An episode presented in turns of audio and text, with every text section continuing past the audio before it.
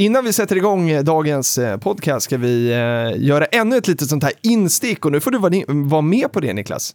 Hur känns det? Ja, men det känns jättebra. Jag får, är kul att vara med här från början. Det här blir lite grann uppstarten, lite grann förfesten inför podden som komma skall. Ja, men det är exakt det. Och, för det är nämligen så här att vi, vi skulle vilja att eh, ni lystrar öronen extra mycket. För att eh, vi söker en ny kollega till kansliet. Ska du söka Niklas?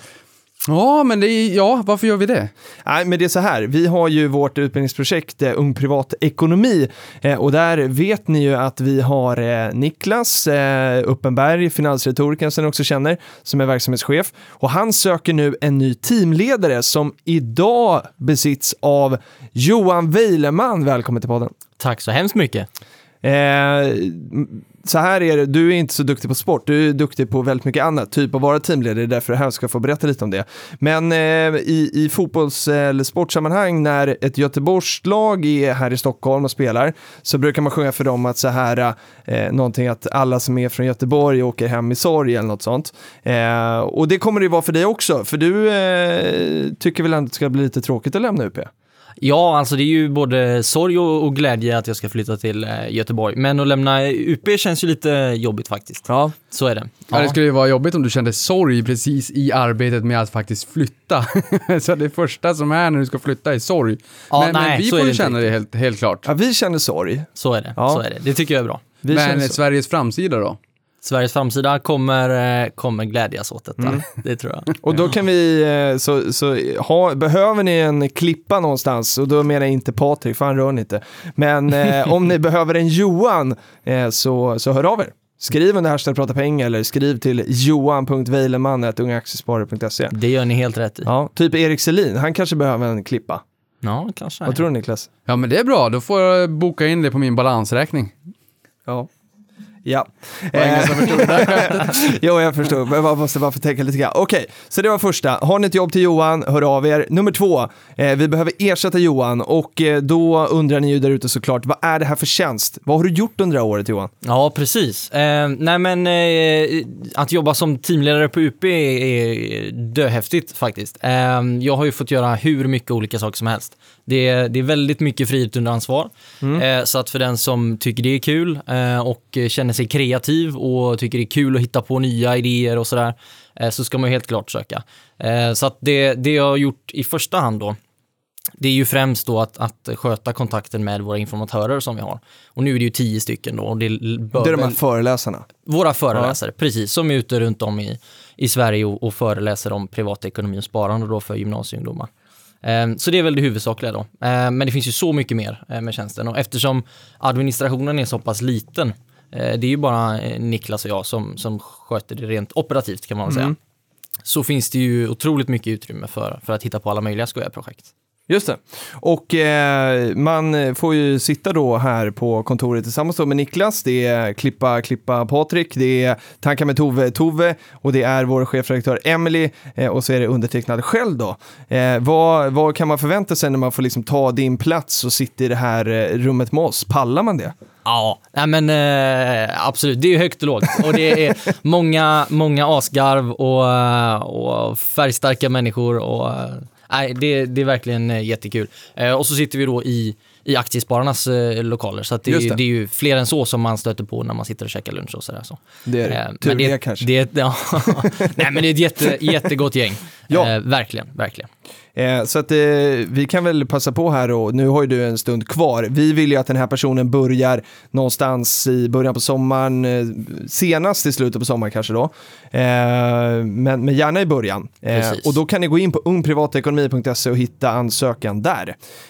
Och om ni inte hittar så hashtagga på prata pengar så, så hjälper vi er. Mycket riktigt. Och jag behöver ju också en ny squashkompis. Så att är, är ni duktiga eller semibra på squash så är det superbra. För Johan och jag har battlat här under ett halvårs tid. Så är det. Så det är ju faktiskt ett kriterie då när man söker att, att man spelar squash.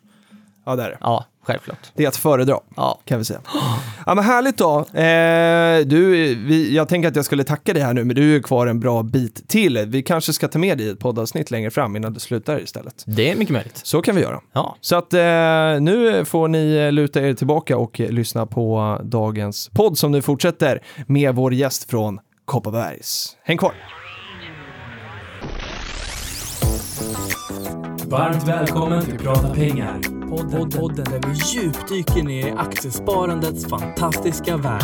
Här kommer giganten, unga aktiesparares VD Filip Scholtze och legenden, investeraren Niklas Andersson.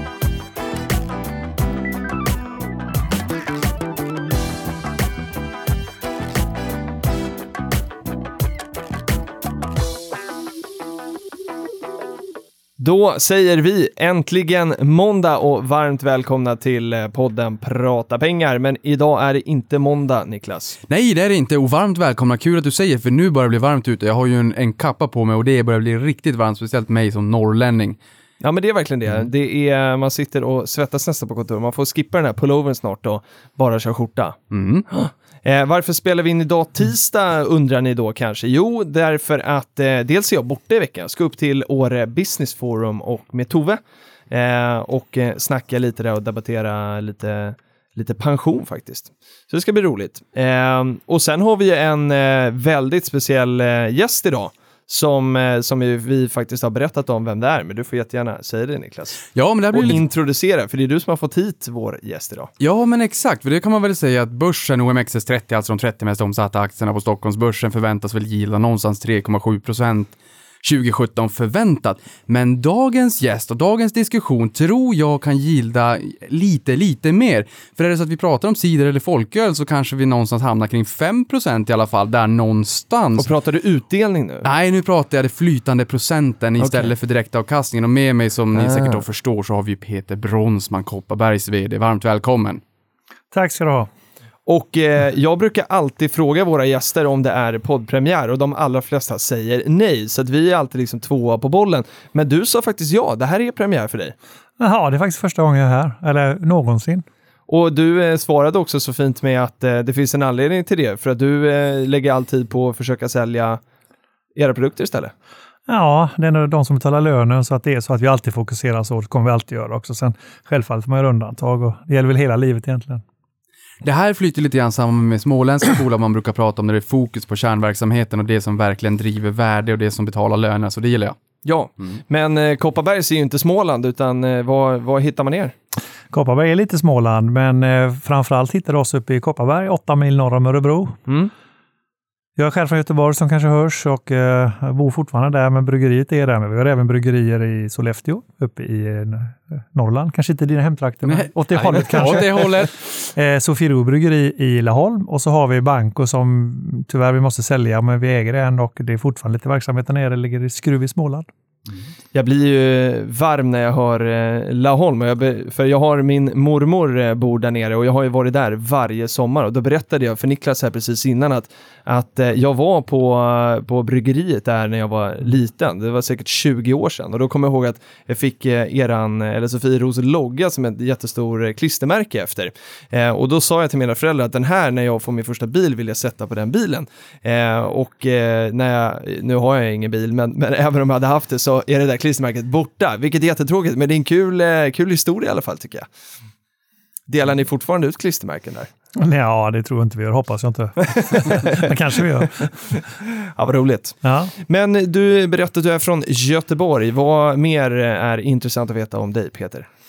Det är väl inte så mycket som man brukar säga, men det viktigaste brukar alltid vara i framtiden. Och eh, så tänkte jag också då när jag köpte bryggeriet. Jag var ju 29 år då när, vi, när jag kom upp till bryggeriet i Kopparberg för första gången.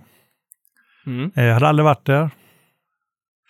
Eh, det börjar faktiskt så här att eh, som alla, som man får ändå säga, att Kopparberg idag är liksom en Ja, det är, en, det är en, liksom en, en success story. Och nu ska vi inte stanna där, men det börjar ju alltid någonstans. Och det börjar som lite små som kan hända att jag satt med min bror och läste sista numret av Svenska Bryggeritidningen. Eh, och då ska man komma ihåg, detta är alltså 1993.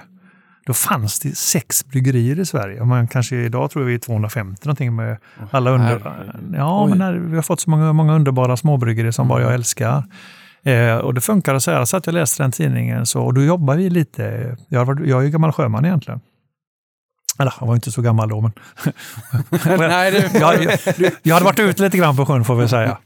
Och då var det så här att då lärde jag mig mycket när man var ute. Då ska man komma ihåg att nu sitter vi här, en massa unga människor runt mig och så, men, eh, men internet fanns ju inte då. Nej. Det fanns, men det var fan, e-mail visste ingen visste vad det var. Och faxmaskiner var det hypaste du hade. och då ska man komma ihåg att när man var ute då på den tiden och såg alla de här produkterna ute i världen, så jag har varit i stort sett över hela världen och mött både cider och öl. Man blir nyfiken. Och framförallt var man nyfiken, kan detta sälja i Sverige lite grann? Så man hade ju alltid en liten dröm att ta hem detta till Sverige en gång, vilket vi också gjorde. Började med det i slutet på 80-talet och började sälja grejer som, ja, som idag eh, inte folk märker, men du ska komma ihåg på den tiden, det var, liksom, det var, det var rätt tråkigt på, på ölfront och ciderfront och läskfront och allt vad det var i Sverige. Så det var ju unikt när vi kom hem lite öl från Australien eller än må vara. Så intresset föddes lite grann. Så, och eh, då när jag såg den här annonsen så stod det så här, det var, och det var sista numret av Svenska Bryggeritidningen. Men det fanns ju bara sex bryggerier då. Men som man kommer ihåg på 50-talet fanns det kanske 200 bryggerier så att de behövde en egen medlemstidning. Det var inget snack om det. Och då stod det så här i det här numret, alltså sista numret, det var en slump jag fick tag i. Det stod så här, nu stängs Kopparbergs bryggeri för gott. Så sa jag till min brorsa, men för tusan, det här gör vi, köper ett eget bryggeri. Ja, det kan vi titta på lite grann. Så, så att jag ringde banken i Kopparberg och, eh, eh och han sa, ja mycket riktigt, det finns ett bryggeri, men eh, ja, är du säker nästan? Jo, jo, jo, jo, så jag. Jag kommer upp och tittar på det. Så jag kom upp mellan jul och nyår 93. Då visar banken med ett, ett nedlagt bryggeri, mycket aner, men ändå ett nedlagt bryggeri mitt i skogen uppe i Kopparberg. Långt från hemma. Eh, men vi slog till och köpte det på vinst och förlust. Och var görstolta över det helt enkelt. Vad fick man betala då? Får man Vi- fråga det? Vi betalade fem miljoner. Ja. Det var oerhört mycket pengar för Jag oss. tänker det. Vi hade inte dem. Så att vi var ju tvungna liksom redan då att få in lite delägare. Det var helt omöjligt att få ihop fem miljoner. Mm. Vi var duktiga ändå och fick ihop en stor del. Nej, det, det kan man väl säga Filip, innan, eh, och det kommer vi komma in på också, just pundet och den påverkan på aktien, men Mm. innan det så från 5 miljoner till 5 miljarder, alltså tusen gånger eh, pengarna faktiskt under den här perioden. Jag började ju ettan 94 och vet du vad som slår mig här också? Det Nej. är att det här är sista dagen i mitt liv som 29-åring och då har jag hört Peter berätta om vad, de, vad han gjorde som 29-åring. Det är ju lite jobbigt att höra för det, var, det är ju en fantastisk solskenshistoria. Men någonting som intresserar mig lite grann det är ju, du sa att det var 200 bryggerier på 50-talet och sen så var det sex stycken på 80-talet och idag är det Han är i jätte- början på 90-talet alltså. Ja, men vad var det som hände under mellanperioden där när det gick ner så mycket? Det var helt enkelt så här att eh, det fanns ju så här att de här gamla skrönorna att eh, det var stordriften som tog över helt enkelt. Och framförallt då, det måste man säga till det försvaret då, nu var jag, fanns, ju, fanns jag knappt i livet och, och, och, och fanns jag i livet så låg en barnvagn.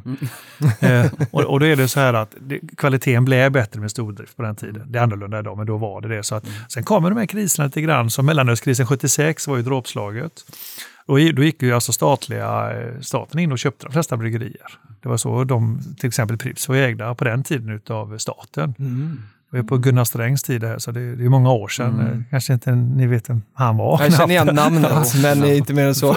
så att, eh, på den tiden var det att då, det var väldigt mycket så att det, det skulle inte finnas några bryggerier. Helst ett skulle finnas bara. Så statligt det bara kan bli. Så ett monopol och ett bryggeri. Exakt. Nej, ett monopol och ett Systembolaget Ett menar jag. Systembolag. Jag tänkte det är ju monopol. Men alltså vilken resa som eh, Niklas säger så även i, i eh, penga, eh, pengar mått mätt så har det varit en fantastisk resa sedan ni tog över. Men vad, vad är liksom Kopparbergs idag om man inte känner till bolaget eller är liksom för att man inte är aktieägare och så? Vad, hur skulle du beskriva Kopparbergs idag? Det är ett av Sveriges lönsammaste bryggerier. Det är också Sveriges, ett av Sveriges lönsammaste och bästa exportsuccé någonsin vad det gäller dryck. Vi har väl egentligen bara en liten konkurrent eller kollega eller vän, det är ju Absolut Vodka då. Just det. Men det är ju du är franskt ägo. Just det. Eh, Men den resan vi har gjort, den är något liknande. Jag tycker våran är mycket bättre självfallet. Eh, och framförallt inte vi i slut med den här resan. Så att vi är väl ett, en, ett succébryggeri med betoning på export, så kan man säga. Och eh, Kopparbergs cider känner man ju många till såklart, men det finns ju även andra produkter i sortimentet. Vi- Vilka, vilka har ni som du tror att lyssnarna känner igen? Vi har ju våran grund... Vi, vi, man, man pratar alltid värden i varumärken, för varumärken är vårt allt. Det är det vi brinner för, det är det vi ska göra. Vi älskar när folk vill köpa våra produkter. Det gör man ju ofta för att man gillar varumärket. Eh, vi, har, vi är stora på öl, vi säljer mycket öl, vi säljer gott öl. Och eh, våra mest kända öl är Sofiero självfallet, som är egentligen världens bästa lageröl. Eh, inget konstigt öl egentligen, men alla kan dricka det vid alla tillfällen. Sen har vi självfallet en del specialer som till, till exempel Höga Kusten då, som är, är egentligen ett craft, eller är ett craftöl från Sagners bryggeri. Bryggs i öppna jäskar uppe i Norrland och egentligen det första riktiga kraftölet eh, i, i Sverige som, som börjat ta fart, för det började ju redan på, på 90-talet. Det är väl våra huvudmärken på öl. Det är Sofiero, det är självfallet då eh, Höga Kusten. Sen har vi alla övriga Soinders-familjen som också bryggs i högs- öppna jäskar. Men även Fagerhult. Eh, sen kommer vi till sidoprodukterna som är vårat eh, egentligen, som de flesta förknippar Kopparberg med. Mm. Det finns ju sådana, du folk ute på stan idag, vad har Kopparberg öl? Ah, inte vad jag vet, men känner du till Sofiero? Ja, självfallet. men du Framförallt på kanske inte, Södermalm. ja, kanske, inte, kanske inte förknippar det med Kopparberg egentligen. Nej. Och det, är, det är egentligen den strategin vi har valt, att vi vill sälja varumärken. Just det. Vi ska vara bäst på att sälja varumärken. Och det var gjort att vi, Sofiero ska helst stanna i Sverige och Höga Kusten. Mm. Och så ska vi ta eh, sidor ut i världen då. Just det. Och min Södermalmskoppling, det är lite eh, komiskt att jag var i fabriken när jag var liten, för sen har jag ju växt upp som djurgårdare och då brukar man alltid skoja om att, att eh, Sofiero är Bajenbira. Men jag tycker om det, jag gillar eh, lager. Kul att höra. Men, men betyder det här då att det är just cidern som är er, eran ex, m- huvudsakliga exportprodukt? Eller det är det ju idag då så att säga, men är tanken där att ölen får stanna lite grann på hemmaplan när cidern åker charter ut i vida världen? Eller finns det någon tanke att göra samma resa kanske på ölsidan?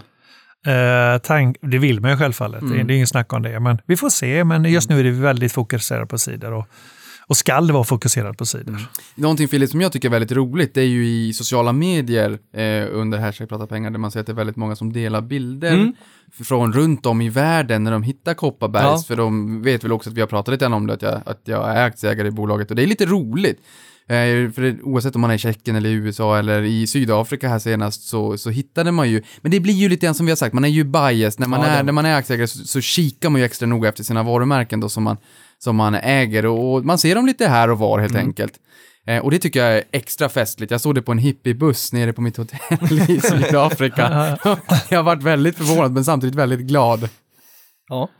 Och jag eh, är ju inte aktieägare då, så att eh, min eh, nästa fråga handlar ju då lite grann om, eller våran, om kursen. Den har ju gått jättestarkt upp och sen väldigt liksom starkt ner här eh, på slutet. Och eh, eh, Niklas, vi har väl pratat du lite grann om hur, eh, hur liksom pundet har påverkat det här och så här. Eh, vad... Ska vi tro att det är pundet som är liksom det som ligger bakom, eller vad är din bild, Peter? Exakt, för där tycker jag ju också just att den är 35 procent och vi har ju sagt valutan ska man inte bry sig om långsiktigt. Men nu Filip får vi ju first hand Ja, på det är det parkett som ska bli så får vi höra svaret. Du menar varför kursen har gått ner? Ja. Nej, eller, Nej. om man behöver vara så särdeles orolig över valutan egentligen. För att vi känner så här, ja men det är ju lite ett nollsummespel, långsiktigt, sidoförsäljningen i liter ökade med 9% i, i, i Q4. Det är inte det man ska fokusera på snarare än en valutafluktuation som går upp och ner. Eh, Men samtidigt så, ja, det är ju ett nollsummespel långsiktigt just det här med valuta, men det har ju blivit en liten faktor som har påverkat det. Hur, hur ska man tänka? För det tror vi nog att det är många som funderar lite kring det. Vi ska tänka långsiktigt. Mm. Vi måste tänka långsiktigt. Man ska också komma ihåg det där med aktier och vad, vad kursen upp och ner. Och, Mm. eh, jag, jag har faktiskt aldrig uttalat mig om, eh, om, om kursen ska gå upp eller ner eller den ska stanna eller vad, den må Mm. vara. Utan mitt jobb det är att göra så jäkla bra jobb som möjligt och tjäna så mycket pengar till Kopparberg som möjligt. Sälja så mycket produkter som, som möjligt. Man ska också kom, komma ihåg att jag är van när aktien kostar 25 öre. Det är klart att går den upp Oj, oj, oj. Går den upp så här mycket så blir det ju självfallet, och de flesta som är ägarna som var med på den tiden, de, eh, de ju, om den går- upp till 300 och går ner till 250, helt ärligt, de bryr sig inte så mycket. Eh, Men mitt jobb som vd för Kopparberg, oavsett om jag ägare eller inte, alltså jag ska bry mig om nuet egentligen. Så att jag begriper, om man köper någonting för 300 och den går ner till 250, ska jag vara orolig eller vad händer? Ja, då, då, självklart blir man oro- orolig då, men man ska också komma ihåg att de flesta är det inte inom Kopparberg, så vi är ett tryggt bolag. Men jag måste ändå bry mig om varje dag är en ny dag, hela tiden. Och det funkade så här att jag kan inte bedöma egentligen om hur, vad som hänt på aktien från 25 öre. Alltså det betyder att satsade du liksom en liten peng på Kopparberg när det stod i 25 öre så ja, då, då du, bör du inte jobba mer. Nej. om, du, om du inte vill jobba självfallet. Ekonomiskt sett bör du inte jobba då. Så att man ska inte vara orolig. Däremot så ska man alltid analysera vad man vill egentligen. Det är upp till var och en. Varför köper en aktie till exempel till Kopparbergs bryggeri? Jo, jag hoppas ju och tror att de köper för att de har läst på. De vet vad vi står för och de vet också att vi är väldigt långsiktiga. Sen kan allting hända. Men det som jag tycker lite om man bara ska skylla på, eh, på ett pundkurs som är låg, och det är ingen hemlighet att självfallet året innan så var det, hade den, snittade den på eh, 12,70 kursen, tror jag var. Kan ha fel på det, nu får jag inga papper med mig nu, men och förra året var den 11,60. Och det gör rätt mycket, det är 10 procent. Och då självfallet om du säljer någonting i pund och det går ner 10 procent, då får du mindre pengar. My- Det är ju- kan till och med miner, man klarar utan miniräknare Ja, ut. Så, så att det är inga problem. Nej. Och däremot, men samtidigt ökar vi försäljningen. Så ko- konsumenter köper mer och mer produkter. Framförallt, eller inte bara England, men nu pratar vi mycket England så vi kan hålla oss där. Och, så vi har ökat och gör superresultat, vårt engelska bolag. Och de förstår ju ingenting. När, för när de skickar dem till Sverige så blir de inte lika mycket värda längre som det var året innan. Nej. Och det är något vi måste leva med. Valutan kommer alltid att gå upp och ner, men vi måste se det på lång sikt. Det viktigaste är att vi fortsätter sälja mer produkter. Men tro, tror du då, för om, även om Nina Kopparbergs då inte är så, är så oroliga för att liksom ni tittar på det operativa, men det har ju varit många eh, av våra lyssnare som, eh, som liksom har köpt den här aktien, varit med på en fin resa upp och sen varit eh, med på den här resan ner. Är tipset till dem då att här, inte bry sig så mycket om liksom, valutafluktuationer utan mer att titta på liksom, den organiska tillväxten då snarare? Så måste man nog tänka tror jag. Frågar du mig hur en aktieägare ska tänka, då får jag, det blir nästan så att är så som jag hade gjort i det här läget, jag hade tänkt långsiktigt. Ja, för det är det man vill höra tror jag. Ja, men det gör Mm. jag på alla bolag. Ja, Eh, Det är kanske min Peter Bronsmans eh, filosofi att man ska tänka långsiktigt. Mm. Visst, sen kan man göra ett klipp, eh, men jag tror att eh, man, man ska inte tänka det. Kommer det så kommer det liksom. Men så du som vd, går du in liksom och kikar på så här, okej nu har aktien fallit så här mycket, går du in och försöker analysera vad det är som investerarna gör att de har, eller vilka faktorer det är som gör att de har eh, pressat ner priset? Man kan nästan inte göra det, utan det som händer då, man, nu, nu kanske vi skyller på, på Brexit, Ja. det är ju jäkla poppisord alltså. Men, Oj, då räddar ju vända vd. Allt är ju Brexits fel. Men man, man ska också komma ihåg med lite själv, självrannsakan här. Jag gjorde bara en snabb eh, ko- koll här, för pundet går upp och ner.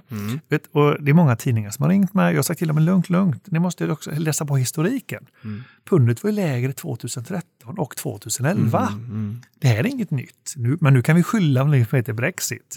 Ah, Jag, jag ser det bara som en utmaning. Jag tycker inte om att den går ner. Men jag kan inte göra någonting åt det.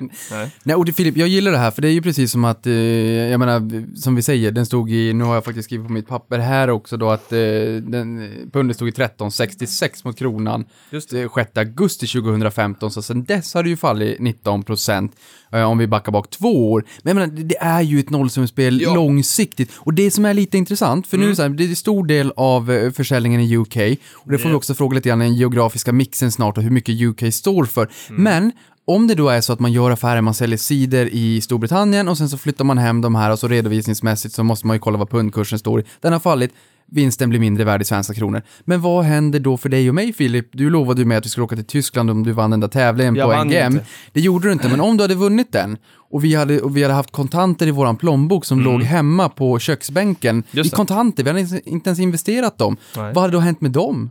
För Stefan Ingves i spetsen och Riksbanken har ju gjort allt de kan egentligen som står i deras makt för att försvaga vår svenska valuta. Så även om vi inte ens har investerat så tvärsom när vi tar svenska kronor ut i vida världen så har vi också blivit fattigare. Exakt. Och inte bryr vi oss ju riktigt om det. Just det här med att jag, jag tycker verkligen om det här att det underliggande bolagets prestation långsiktigt som man ska kika på snarare än faktorer man inte kan styra över.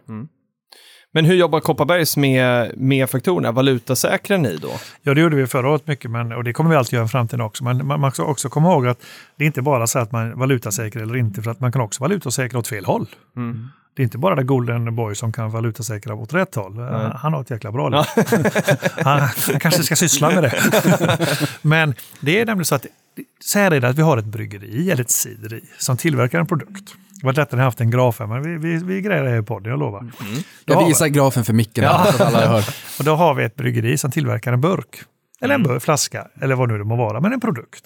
Och i slutändan köps denna av en eh, Sue i Liverpool. Och, men hennes polare köper mer och hon köper också mer produkter.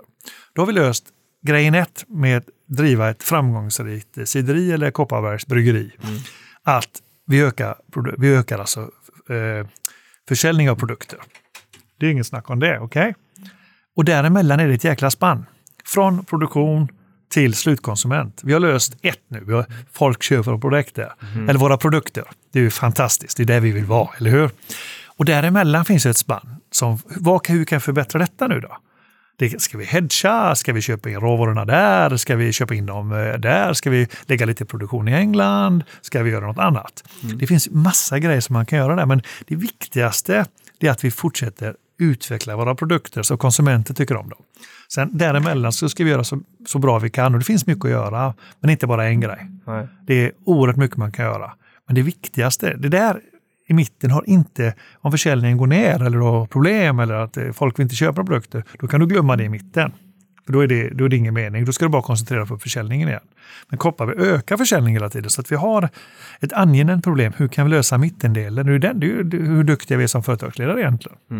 Men där måste vi tänka långsiktigt. Just det. Ja, det är ju lite grann som att köpa världens snyggaste byxor med att de inte sitter bra på en själv, att man måste kasta mig och syn dem lite grann, men byxorna är ju världens bästa, men det här det är ju liksom problem som kanske är övergående, men ni som du säger, ni fokuserar på kärnverksamheten och det är ju det vi som aktieägare långsiktigt faktiskt också vill.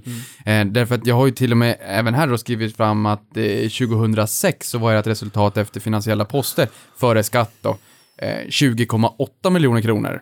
Och 2016, det vill säga 11 verksamhetsår senare då, så var den 307 miljoner kronor. Och som jag förstår det här så är det ju 27 procent per år i, i tillväxt om man drar ett snitt av det här, vilket är eh, precis som vi inledde med, eh, verkligen en solskenshistoria och det visar ju någonstans, kurserna har ju definitivt hängt med.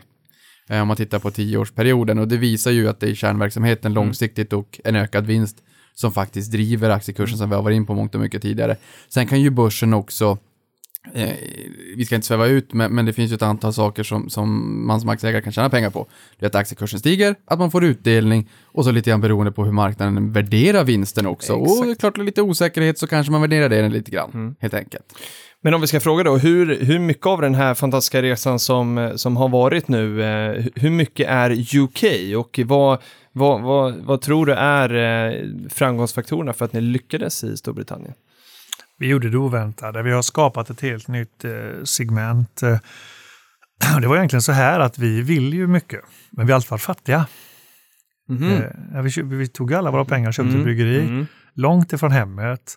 Där, nu ska vi göra något, från ett stängt bryggeri, nedlagt bryggeri. Mm. Men med anor och med namn och eh, här fanns någonting. Fint. eh, Och då, och då blir det så här att hur gör man för att sälja någonting? Alltså vi, måste, vi ska ju sälja produkter, vi ska sälja öl och cider. Det bestämde vi nästan från början. Man ska också komma ihåg att när vi köpte bryggeriet, vi fick nycklarna den 18 mars eh, 94. Det är några år sedan nu, eller hur? Det är det. Spännande år i Sverige Ja, med den ekonomiska utvecklingen 92-93 där, 94. men det var inte lätt att, att övertala en bank här. Det var, ju, det var den första, den största finanskrisen, var 92. En av de största i alla fall. Sen gick vi med i EU också. Just det. Och det är inte så många som, nu börjar jag nästan bli Mumin mot er, för ni är mycket yngre än mig. Men, men det är ju nämligen så här att då fick vi inte köpa öl på Systembolaget som var starkare än 5,6 volymprocent. Så det var ju unik grej man kom och, då var vi först där direkt. Alltså vi var ju unga, vi hade ju idéerna, vi kunde göra någonting så vi lanserade vår Special Brew 7,5 direkt dagen efter i stort sett. Hög direktavkastning. Ja, eh, och, det, och, och- då var det så här, hur ska vi göra nu? Vi fick in lite cash i bolaget, det var bra. Cash betyder att vi, ta, vi tog in utdelning alls då, men däremot så, det fanns inte heller, men däremot kan vi köpa nya maskiner och utveckla oss lite, marknadsföra oss lite. Då var det så här, hur ska vi få svenskarna att köpa vad mer av våra goda sidor? Då hade vi ju skapat den här, en av de första riktiga sötsidorna i världen egentligen. Det var ju Kopparbergscider, päronsider och äppelcider som kom i 96 eller i slutet på 95. Och vi fick ju blodad tand för den sålde ju väldigt bra på Systembolaget. Eh, oerhört bra. Då ska man komma ihåg att då gick det 800 000 liter på svenska Systembolaget utan cider. Det säger inte er så mycket, men jag lever ju med den här litervärlden. Då ska man komma ihåg att och när vi lanserade så gick den upp till ungefär 4 miljoner liter direkt. Allting var oss. Allting var Kopparberg. Idag är totalmarknaden i Sverige ungefär 13 miljoner liter. Också tack vare Kopparberg, men vi är inte ensamma självfallet. Vi har Nej. fått många som följer oss. Och alla, som jag säger till alla, alla är välkomna. alla är välkomna att vara med på den här festen. Eh, och då är det så här när vi kom då, hur ska vi göra då 96, 97? Vi var fattiga, vi hade inga pengar. Men vi hade världens bästa smak. Smaken har alltid varit Kopparbergs signum. Alltid. Vi har alltid varit bäst på smak, tycker vi själva. Och våra kunder också oftast. Hur gör vi? Ah, då ska man komma ihåg att vi hade inga pengar att marknadsföra i Sverige, det var för dyrt. Vi gör så här. Vi gick in, vi gör så här, vi följer dem på semestern. På semestern är man lite mer, här har vi det. Man är, det är lite lördag hela veckan. Nu har resan ändrats idag, men eh, på den tiden så var det charterresa lördag, lördag eller onsdag, onsdag. Det var en vecka. Men när man kom till resmålet så var det lördag hela veckan. Det. Och det var lätt, vi gick in på resebyråerna och tänkte, ah, vi frågar ju vart åker svenskarna? Ah, de åkte ah, Magaluf, Mallorca. Då åkte jag ner själv med mina säljare till och, och, och gick runt på, i Magaluf och sålde in där svenskarna bodde, för det var ju de hotellen som fanns i broschyrerna. Just det. Och svenskarna kom ner självfallet eh, och de tyckte Kopparberg finns ju i hela världen. Nu åker vi. Det är bara för att vi hade ju nästan punktat de hotellen de åkte. Filip, det här kallar jag due Det diligence på riktigt. Ja, det är roligt. Och då var det så här och då fick vi ju blodad tand, försäljningen hemma ökade. Men så fick man det där, varför jag sa faxmaskiner, där, de här goa faxen. Ja, jag heter då, eh, jag heter Sue från England eller vad det heter, Mark från England. Jag var på Mallorca och drack eran cider. Var kan jag köpa den i UK? Då fick vi ännu mer blodad tand. Och så efter lite grann, efter något år, vi hade punktat hotellet mer och mer. Grekland var ett, äger Grekland faktiskt var vårt första riktiga, man säger så, exportland som började ta volymer. Men jag tror inte bara svenskarna som drack utan även engelsmän och irländarna. Det var därför jag gick över till England 98, 99. Bara för att vi hade fått en, ah, de gillar smaken. Kruxet var när vi kom till England då, nu går jag och pratar jag fort, jag vet inte hur mycket tid vi har. Ja, kör på det. Ja, kör på. Eh, och då är det så att vi kom till England så eh, de visste inte vad detta var. För att då fanns det bara, all cider i England var uteslutande äpple, äpple och äpple. Och helst var den bitter, bitter, bitter. Det var inget fel på produkten, men den passade inte svenskarna egentligen. Vi gillar lite mer normala produkter. Och då fick jag förklara, när jag kom, alltså det är helt otroligt, jag kom med min, mitt hjärta, våran cider till England med Kopparbergs äpple och päronsider. De visste inte vad det var. Och, men så smakade de det, inköparna. Alla tyckte det var gott. Vi fick ju hela tiden frågan, vad är det? Ja, men det är cider. Ja, men jo, det, det, hör du säger det, men vad är det för något? Det smakar annorlunda, det är ju mycket godare. Mm. Då fick vi skapa någonting. Ah, Okej, dryckesindustrin är stor. Inom vin finns det ju rött, vitt och rosé. Just det. Inom öl finns det till exempel det finns ju lager, så finns det stout och så finns det ju mörkt öl och så kanske om du ska ha en Guinness så kan man skilja på det där. Ja. Men cider för en engelsman var bara äppelcider och bitter. Så vi fick vi skapa någonting. Då skapade vi fruit cider, alltså fruktcidern då. Då hade vi gjort ett, det var, nog, det var nog kanske ett av de viktigaste vi tog. Då hade man någonting att prata Vad är det vi säljer? Jo, vi säljer fruit cider. Så vi var helt ensamma med fruit cider i England eh, och försökte sälja in detta, då kan man ju tänka ut när man var ung. Och man, det var ju- bara roligt egentligen, men det var tufft också. Vi, det var inte så att, eh, att vi sålde iväg enorma volymer i slutet på 90-talet. Det tog några innan, innan, men vi gav oss inte. Vi gav oss aldrig. Vi kämpade på.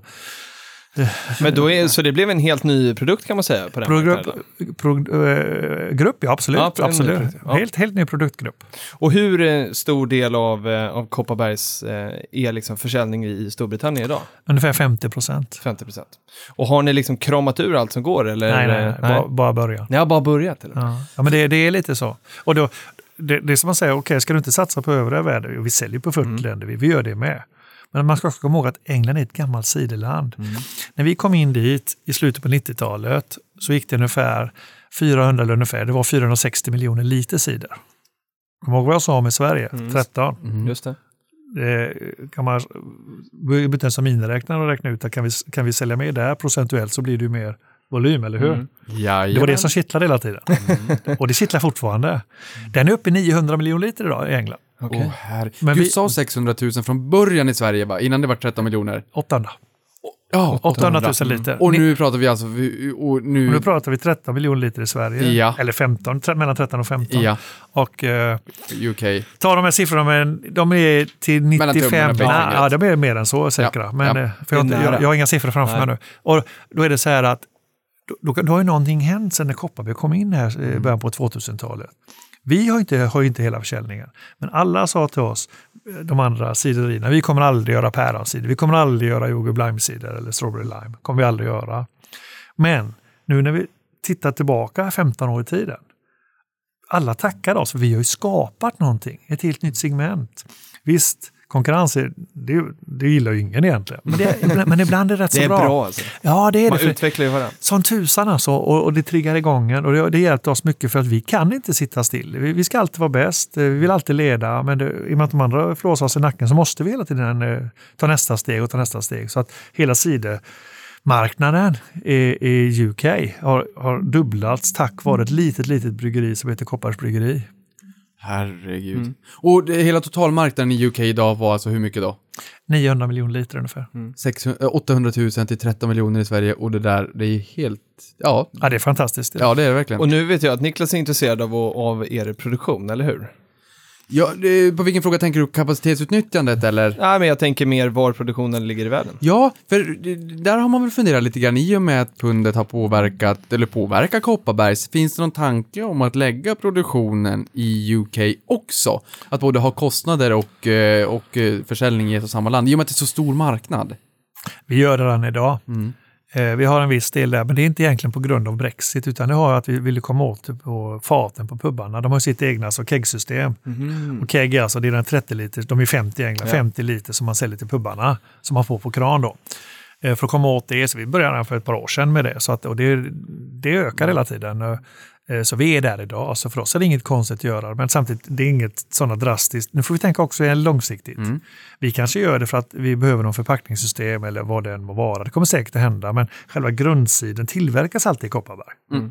Så, det är vi, vi, vi, så vi bulkar över sidan till England och fyller den där. Och visst, med facit idag med, med den låga, eller med, om, om man ska använda Brexit som en liten, eh, no- i någon slags form, så, eh, så hade det varit kanske något att tänka på för framtiden hur vi ska göra egentligen. För du kan få en bättre balans i det. Men återigen, men det är inget beslutat än. Ja, för hur påverkar Brexit? Man, man tänker ju Brexit och kanske administration och tullar och vet vi alls egentligen? För, för man, nu ska man aktivera den här Article 50 imorgon på min 30-årsdag, typiskt nog. Men, men, och hur påverkar det här Kopparbergs? Eh, Jag tror att eh, det kommer inte påverka oss. Och gör vi ingenting kan allting påverka, Mm, men vi mm. måste ju anpassa oss i så fall. Men jag är inte orolig. Jag har sagt till alla att jag, jag är lugn Ja. eh, och jag tror inte att det blir så. Jag skulle bli förvånad om det händer stora saker. Mm. Men skulle det hända något, ja, men då, då är vi där. Jag menar, jag, vi tjänar ju pengar, jag har ju jättehög lön, så Mm. det är mitt sätt att lösa bara. Och du, du pratar keggen, det, det, nu, det här blir ju också intressant, just eh, produktmixen. Om man tar, eh, vilken produktmix är bäst? För jag menar, att ha buteljerad öl eller cider på flaska, då låter ju keggen mycket, mycket bättre.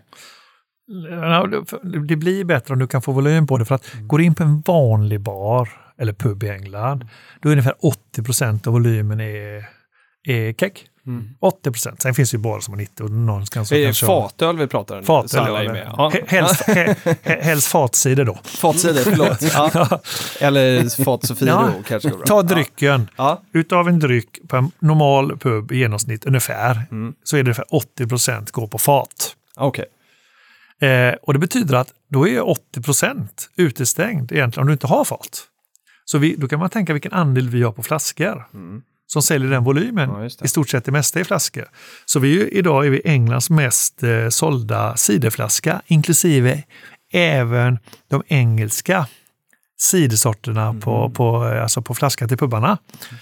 Så vi, vi alltså säljer mest flaskor, med- och det gör vi ett, för att vi självfallet eh, har, har en god cider, men också att vi, vi har ju inte eh, faten. Så att vi väldigt dominerar den här lilla. Men för att ta nästa steg så måste vi gå på, på fat på, på den engelska marknaden och vill fortsätta växa. Det är därför vi också bara tappar i England, för vi vill det. Vi vill mer. Men och hur är det med marginalerna där då? Är det, tjänar man då, som Niklas är lite inne på, mer på, på faten? Om du, får, om, du, om du får volym på det, definitivt. Ja. Och en konsumentfråga får vi passa på att ställa Niklas. Är, är, blir produkten bättre på fat eller på flaska? Nej, det blir det inte. Det är absolut samma i. Det är Men- absolut ja, samma, men vänt, okej. vänt, vänt, vänt. Ja. Så är det så här att om du tänker efter på att om du går in, nu pratar normal krog, vi har ju Mm. krogar, John Ja, Scott visst. till exempel i Sverige, så att de- de har en, en krog på, har oftast eh, väldigt eh, lite utrymme. Så de tar in, de får i stort sett veckoleveranser. Mm. Men när du köper hem en låda öl eller en låda cider, då kan det stå kanske ett par månader hemma i ditt garage. Just. Men den, det ska inte vara någon fara. Den håller, det är inte det. Men den förändra, kanske försämras eller förändras. Det tycker jag blir godare också. Lite grann. Men du får alltid färskast. För att då har man att göra att de får ju veckoleverans. Och så det är alltid därför så här, kanske många tycker att ja, men det, det är lite friskare. Och det, det, det stämmer oftast. Men du kan ju hitta en flaska som är frisk också självfallet. Men det bör inte vara så stor skillnad. Men det är det man menar, att det är alltid friskare. Men från er i alla fall så är det samma produkt? I Ja, att, 100 procent. Och när det kommer till värdedrivarna i bolaget, om du får rangordna dem, eh, ökad försäljning i liter, bättre produktmix, så tänker vi keggen och flaska och så, eller lyckade produktlanseringar. Hur skulle du rangordna de tre? Ja, de, ettan och trean är ju samma. Det är nästan, om du inte kan komma med någon eh, ny produktlansering så ökar du knappast litrarna. Och det, det är på de befintliga Ja. produkterna, att du får en ökad penetration då kanske i UK exempelvis. Det, Ja, då, det- självfallet, litrarna ska upp, det är inget snack om Mm, det. det, det går all, men å andra sidan så, jag vill upp dem även på, på, befintliga produkter. För att vi har så mycket att göra. Visst, vi säljer jättemycket och uh, tittar på svenska mått så är vi enormt uh, lyckosamma måste man ju säga. För att eh, man ska veta att inget bryggeri har gjort detta innan. Nej, Någonsin. nej. Det är första gången. Sen är det många som kanske vill eh, följa oss och det tycker jag bara är trevligt. Men man ska också komma ihåg att det finns så mycket mer att göra. Vi kanske är inne på, ja, kan vara inne på en 20 000 pubbar i England, men det finns ju kanske 60 000. Så att, eh, det finns lite kvar att göra. finns- kvar. oj, oj, oj. Filip, vi går nästan in på andra halvlek. Jag vill bara, Ja, vi att, jag vill att du ska på, påpeka eh, Peter Slips också. Ja, jag måste säga att jag tycker den är, är superhäftig. Den ser ut så här... Hur gammal är den där slipsen? Får man fråga det? Ja, men nu, du, du, nu ställer du fel fråga. Exakt, man frågar, man frågar inte kvinnor hur gamla de är heller. Jag tycker att det är en väldigt Nej, häftig jag, slips. Ja, den är superhäftig. Det är massa Kopparberg, alla varumärken. Ja, men de, den, det är någon gamla, den är gjord på 90-talet. Ja, det är det jag tänker. För att den, det ser ut som något som pappa, hemma, eh, pappa hade hemma i samlingen. Ja, men det är väl nämligen så här att på den tiden ska man veta, 90-talet hade alla, alla, det var stort sett alla hade slips. Ja, exakt. Så jag tänkte ju köpa till alla mina säljare slipsar självfallet. Och Det vill man ju ha bra pris på, eller hur? Ja. Och då, så jag köpte ju 500. ja. Men det var precis den vevan de slutade använda slips. Och då sa jag det, när då ska jag tusan använda de där slipsarna för vi vill ju inte slänga dem. så Så det gör du fortfarande? den må vara sedan 90-talet men den är helt ny för idag. Så att jag har ju några stycken att slita ut om man Jag säger förstår så. det. Nej, det var ett, eh, ja, men liksom, jag tycker stilen håller än alltså. Ja, men det är gamla loggan som du ser. Ja, det är det. Precis. Men Peter, förlåt, jag, jag tror att jag bröt det. Du skulle säga någonting. Kommer du ihåg vad det var du skulle säga? Det var det säkert. Men det, ju- Det var säkert. Nej, Vi går vidare. då går vi vidare. Ska vi prata lite, vi, vi lämnar eh, UK bakom oss och undrar lite om eh, utanför EU då. Hur går expansion där? Jo, men det går bra ser du. Ja. Eh, det finns ett land som vi har hållit på och inte fokusera så mycket som kanske som borde. Men man ska också komma ihåg att när vi har fokuserat så mycket på UK och vi kommer att fortsätta på UK, för det är, det är ett sideland. Men vi fokuserar också till exempel mycket i Australien och USA. Och Sydafrika. Mm. Vi har eget bolag i både Australien idag, i Sydney, Cape Town i Sydafrika och i USA. Hur stora är de i förhållande till den här enorma eh, UK-marknaden som du pratar om? Jo, men den marknaden i Australien är ungefär 40, säg 50 miljoner liter totalt. Vi kanske säljer i år en 3 miljoner liter. Eh, Så den, den är viktig för oss, men den kommer att bli ännu viktigare. Mm. Eh, Så de länderna utanför EU, är de absolut viktigaste. Det är Australien, det är Sydafrika och det är USA. USA har ju rätt så ung cider, om man ska säga cidermarknad, men den växer snabbt eh, och kommer att växa snabbt. Och där ska vi vara med. Det är inget snack om det. Sen vet jag inte om det blir kanske nästa år eller en två eller tre år, men att, att vi ska vara med, det, och där ska vi fokusera. Och du tror att det är siden som kommer liksom göra att ni breakar där? Eller? För det känns som ölkulturen också ökar ganska bra i USA. Ja, absolut, det gör de, men de ökar inte litrarna, de, bara, de flyttar nu från standardlager till craft beer. Ja, okej. Det där är, det Det är där är intressant. Det är intressant. Att man liksom käkar varandras marknadsandelar på, en, på en marknad som är ungefär ganska likvärdig i förhållande till en marknad som faktiskt växer, asiden. Det, det är det som är så unikt, alltså kanske inte kommit fram egentligen när vi sliter med vårt cidervärde. Mm. Jag har ett jättesiderhjärta som, som, som Förstår kanske det. Jo, men det, det kommer jag alltid. Ja, sött hjärta. Det, men det kommer jag alltid ha. Det kommer jag alltid ha. Och det är så att vi har ju liksom, ta det svenska marknaden, från 800 000 liter till mellan 13 eller 15. Den ligger där någonstans. Det beror på hur mycket de säljer på restaurang. Jag tror systemet har en 12, 10 eller 11, 12. Men tittar man här, vi har ju liksom ökat ett segment. Vi kommer till England, vi har nästan, inte riktigt, men nästan dubblat den engelska sidemarknaden tack vare våra idéer. Det är det som är så det fantastiska med cider. Vi stjäl inte av de andra. Nej. De andra engelska cider, de här stora drakarna, de älskar ju kopparberg. För vi har, ju, vi har ju dratt igång någonting så att det är bra för dem med. Men betyder det då att, eh, att dricker människor mer då än vad man gjorde innan om ni inte stjäl marknadsandelar? Nej, vet du vad, vi, vi tar liksom om andra kategorier. Ah, vi okej. kan, det kanske är lite öl, men det är framförallt, vi tar mycket från vin. Okej. Vi tar mycket från de här Red Bull och, och, Mm, mm. och, och, och hela det. Eh, Alltså Red Bull vodka, mycket drinkar. Det är ju så att vi, vi stjäl från alla, Just det. men vi dricker nog inte mer totalen. Nej, okej. Men vi dricker väldigt bra produkt. Men visst har ni en energidryck också va? Ja, Just det, kan du Vad berätta någonting lite, lite kort om den bara? Franks. Franks. Så om man, ja precis, då kan man ju, om, då kan man sluta eh, blanda eh, Red Bull, då kan man ta Franks istället. Men, och, och det här var faktiskt helt nytt för mig, men att ni hade en egen pub då, John Scott. Pubbar. Pubbar, ja. Eh, men en pubkedja kanske då. Eh, hur, eh, hur är liksom businessen där? För att jag läste på lite innan och förstod då att där säljer ni inte bara era egna Nej. varumärken. Tanken var så här att eh, nu är det fyra och ett halvt år sedan vi öppnade den första. Vi har, tittar du på vår årsredovisning så tror jag att det står att vi har eh, de som vi har signat, som kanske inte är öppna men kontrakten är klara, så det är 11 stycken. Okej. Så det är en rätt stor business idag. Eh, och eh, en, 11 stycken totalt eller som, Ja. är, som ska öppna? nej, nej, vi har vad det, åtta idag tror jag, så tre Okej, till. okej. Men det Ja. kommer att öppnas hela tiden. Men, Ja. och det är så här att jag tyckte att vi ville, du vet, den svenska marknaden domineras av två stora bryggerier. Det är inget fel på dem. Och de har ju blivit stora för att de är duktiga. Och vilka är det då? Spendrup och... Och det är Spence och Carlsberg Ja. idag. Och de, de, är, de är jätteduktiga, det är inget snack om det, men det är lite för lite tänk åt vad konsumenterna vill ha. Vi lever i en föränderlig värld, konsumenterna måste välja. Och nu ska de veta att det har ändrats, framförallt i Stockholm och Göteborg och storstäderna har ändrats. Men, och det kommer säkert ändras i hela Sverige, men det inte jag gillar för många år sedan, det var att antingen tog det bryggeriet och så hade de sina produkter där. Eller så tog ett annat bryggeri det. Och nu kan jag faktiskt säga att vi är också en liten kålsupare, för att tog vi en kund så var det bara kopparsprodukter. Eh, och, och visst, och det kan vara väldigt bra, det beror på vad det är för typ av ställe, men vissa ställen som pubbar, där måste folk få välja sina favoritöl.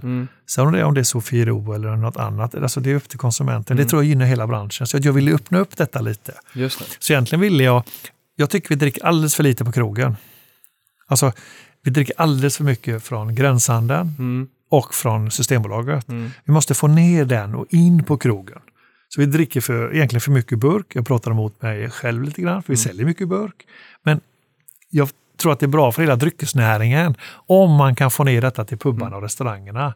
Så att vi öppnar inte den här pubkedjan för att konkurrera med grannpuben. Tvärtom, vi ska öka grannpuben. Men vi ska öppna, men då måste vi också pubbarna vara bra.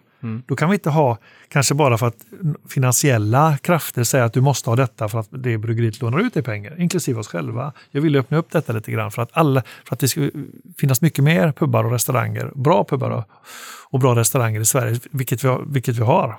Men är det någon av era produkter som säljer bäst då på John Scott? Ja, det är det. Det är det? Ja. Ja. Här skulle man ju, ja förlåt. Nej, ja, men det, för det är jätteintressant. Det är en kul eh, grej eh, och alla har ju sina favoriter och då håller jag helt med om att eh, man, man får låta konsumenten välja. Och kan man då göra det med ett koncept där man går in på er pub som många kanske inte ens tänker att det här är Kopparberg så får man kanske bra, bra underlag för vad folk gillar. Hela tanken var också att om du går in på en av våra pubbar, vi, den är ju inte jättemycket reklam för våra Vi har inte mer reklam för våra egna Nej. varumärken än vad för någon annan. Och det är också vår tanken att här ska folk få välja lite.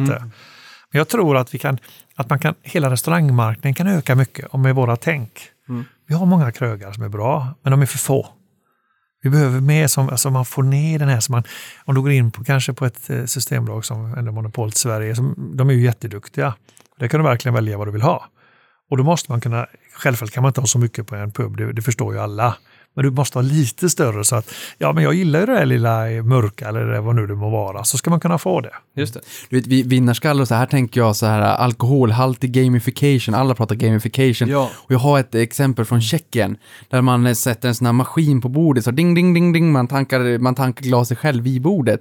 Och sen så räknar den ner eller upp då hur mycket man har tankat i den där Okej. maskinen, alla som sitter vid det här bordet. Och jag tänker Sverige, jantelagens vänner och sådär. Du, du, vem tror du att du är? Du ska inte dricka mer än vad det här bordet dricker. Och så får man tanka upp. Men det där är ju också lite intressant, just det här med John Scott. Är det eh, kassaflödespositivt och bidrar till EPSen på, eh, eller vinsten då i, i koncernen? Ja, det kommer det göra absolut och det gör det också. Men däremot är det inte de marginaler som det, som det är på sidor. Är det inte. Nej. Inte än i alla fall. Nej, det ligger, Filip, vi får gå dit någon gång, det ligger en bredvid Hötorget, jag gick förbi på vägen hit. Ja, Kungsgatan va? Ja, precis. Ja, vi kanske kan gå dit Niklas. Det kan vi göra. De, det fanns lunch till och med såg jag. Då kan vi ta det. Ja, jag äter lunch alldeles för sällan. Eh, ska, vi, eh, ska vi lämna det lite grann och ställa den här frågan. Kommer ni, för ni finns ju på NGM. Ja. Och eh, vi har ju haft NGM som gäster här i, i podden. Eh, och då undrar vi så här, kommer ni eh, flytta över till Stockholmsbörsen någon gång? Ja, Det tycker jag väl att, eh, det, jag vet inte idag. Eh, Om du säger en framtid så, så, så kan man ju svara på Eller om, eh, jag kan göra så här istället. Varför valde ni NGM? Det är mycket enkelt att jag lovade mina aktieägare att eh, under 99 var det, många år sedan, att vi skulle gå på börsen. Mm. Men det var också, och då hade vi listat, vi skulle egentligen gå med dåvarande Sparbanken hette den. Att vi skulle lista oss på, var väl, då hette det väl A, B och. C-lista. Om inte riktigt då, men det, lite som det var nu i alla fall. Och lite obs-lista. Ja. Okej. Eh, och då skulle vi gå dit och vi betalade in allting på den här, och allt, ja, den här, den här kontrollen och allting. Och så tänkte jag så här, nej, det, det kändes inte rätt. Jag fick ont i magen. Men så hade vi lovat aktieägarna att må, många vill ju sälja sina aktier och många vill köpa. Så vi måste finnas någonstans. Då hamnade vi i Göteborg på Göteborgslistan som eh, kontrolleras av Tenbro och Kinde.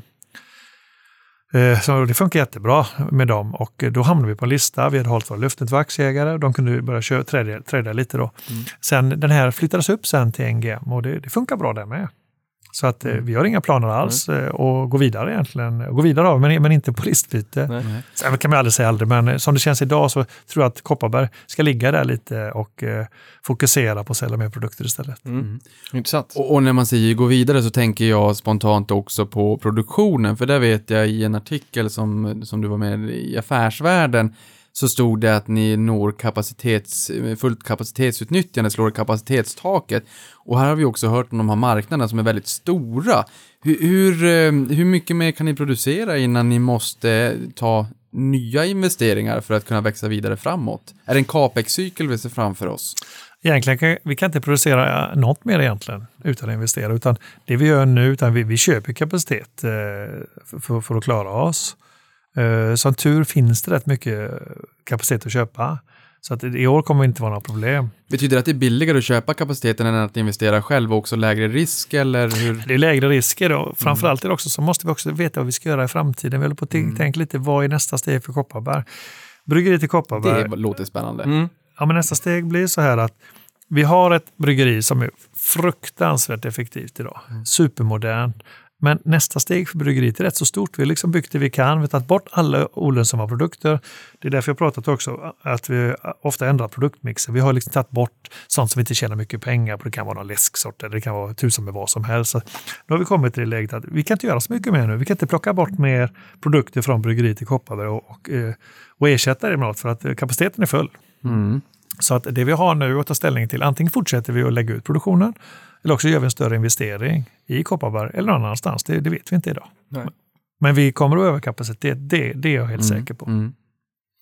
Jag är lite nyfiken på, nu hoppar vi lite mellan ämnena, men jag undrar lite om aktieägarförmåner. Det är en sån här, eh, jag ska upp och åka skidor och Skistar ger ju lite rabatt till sina aktieägare. Har ni något liknande? Nej, det har vi inte, men det, vi skulle egentligen kanske tänka något på det. Nu var vi ju med alkohol, så, så vi har ju Ja, vissa regler att tänka på. Ja, Men, exakt. men, men förutom det så att... eh, Men skulle man inte kunna ha 15% på puben eller något sånt där? Sju och en halv. Skönt. Ja, jag gillar det. Nej, nej, men alltså allvarligt talat, för någon Skistar, det, det är ju bra med maxägarförmånen. Och någon annan som gör det här bra, det är ju Brewdog. eh, Som, som skapar någon form av folkfest och en fanskara bland sina aktieägare snarare än att det är strängt kalkylerande nyttomaximerande investerare så tror jag mycket att det är just fans. Och de har byggt ganska, jag är inte aktieägare i det bolaget men jag har vänner som är och de har gjort det där ganska bra. Jag, tycker, jag tror absolut att det hade kunnat vara något som flyger för att eh, som du säger, ni har ju lojala fans, om man får kalla dem fans där ute, som köper era produkter. Vi har blivit många aktieägare också, framförallt de sista åren. Jag tror vi är en 6 000 aktieägare idag. Eh, men samtidigt ska man komma ihåg att vi kommer ju från en värld där vi inte var så många aktieägare. Det har ökat upp och sen har vi också fokuserat, eh, helt ärligt, vi är dåliga på att ta hand om våra aktieägare. Vi kan bli mycket bättre på det. Mm. Så att det var bra tips, så ska vi faktiskt tänka på det. Kom gärna in på redovisningen där också, för det har vi fått lite frågor på, om man skulle kunna fylla ut den med några extra sidor. Hur ser du det? Jag vet att du Peter fokuserar på kärnverksamheten och det får vi ju eh, tacka för. Verkligen. Men, men, men har du, för den frågan kan jag tänka mig att du har fått förut. Jo, den kommer lite grann, men samtidigt, jag vill alltid vara rättvis och ärlig. Mm. Och framförallt vill jag inte ändra på för mycket.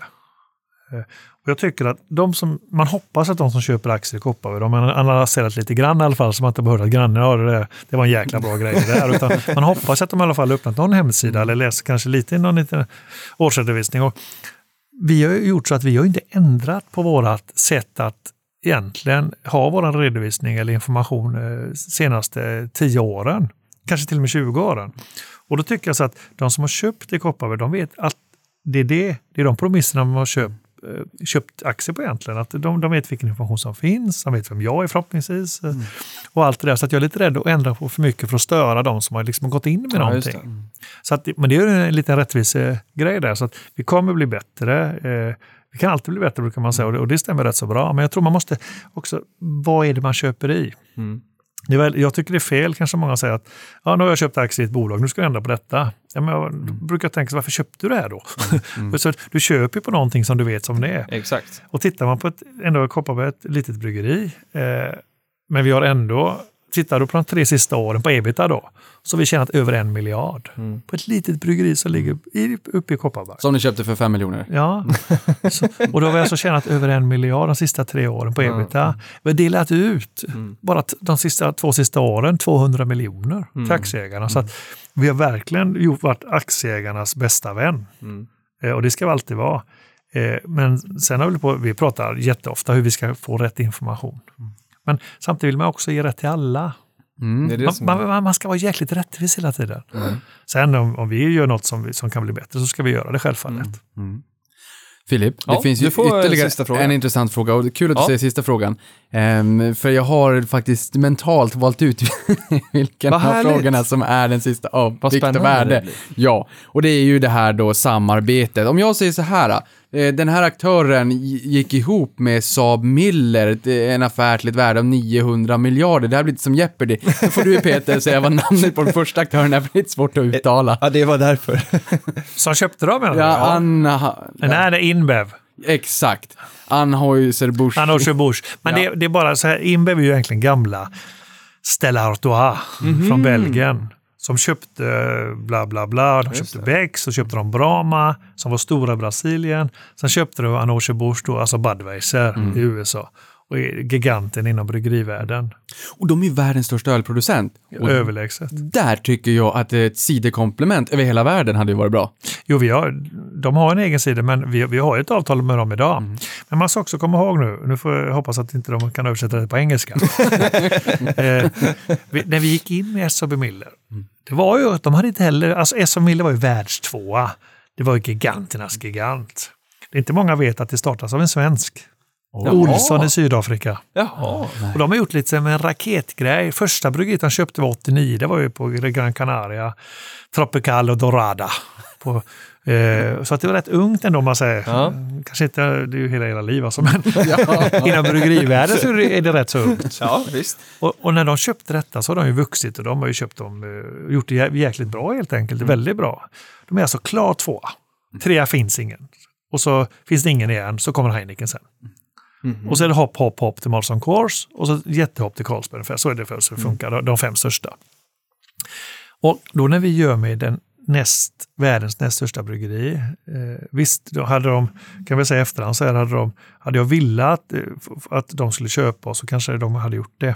Men det är bara spekulationer. Men så gjorde vi det här istället att, i och med att de har ingen sida, då kan det bli ännu bättre för Kopparbergs aktieägare. Vi kommer in här på deras kanaler. Stort bryggeri. De har köpt Fosters i Australien, alltså de har Millerölet, de har ju köpt eh, Peroni, de har ju Pilsner och Quell, alltså det var ju liksom som värsta, bästa någonsin som kan hända. Och det var rätt så intressant också att när vi satt och skrev kontrakt med dem, det var ungefär en vecka, vi satt i Göteborg, de var där säkert med sex, sju advokater. Vi skrev ett jättekontrakt och den springande punkten var hela tiden, om Kopparbergs aktieägare tar beslutet en i framtiden att vi vill sälja bryggeriet, så ville de liksom verkligen vara säkra på att de fick förstahandsrätten här så att inte jag såldes till, till någon annan. Och, och vi satt och det var, det, det var ju färdigt, det var inget snack om det. Men det var ingen tänkte på vad hände om de blev uppköpta. Och då när Inbev köpte dem, det, alltså det var ju som en, det var ingen som kunde räkna med det. Murphys lag. Det är den fjärde största transaktionen i världen någonsin. jäklar. Om då är det bilar och allting vi pratar, det är inte bara bryggeri. Och då var det så här att då hamnade vi ju där. Men då hade vi precis startat upp med Soberbilder som jag trodde jättemycket på och hör och häpna, tror fortfarande på, fast nu kan det inte hända för de finns ju inte kvar.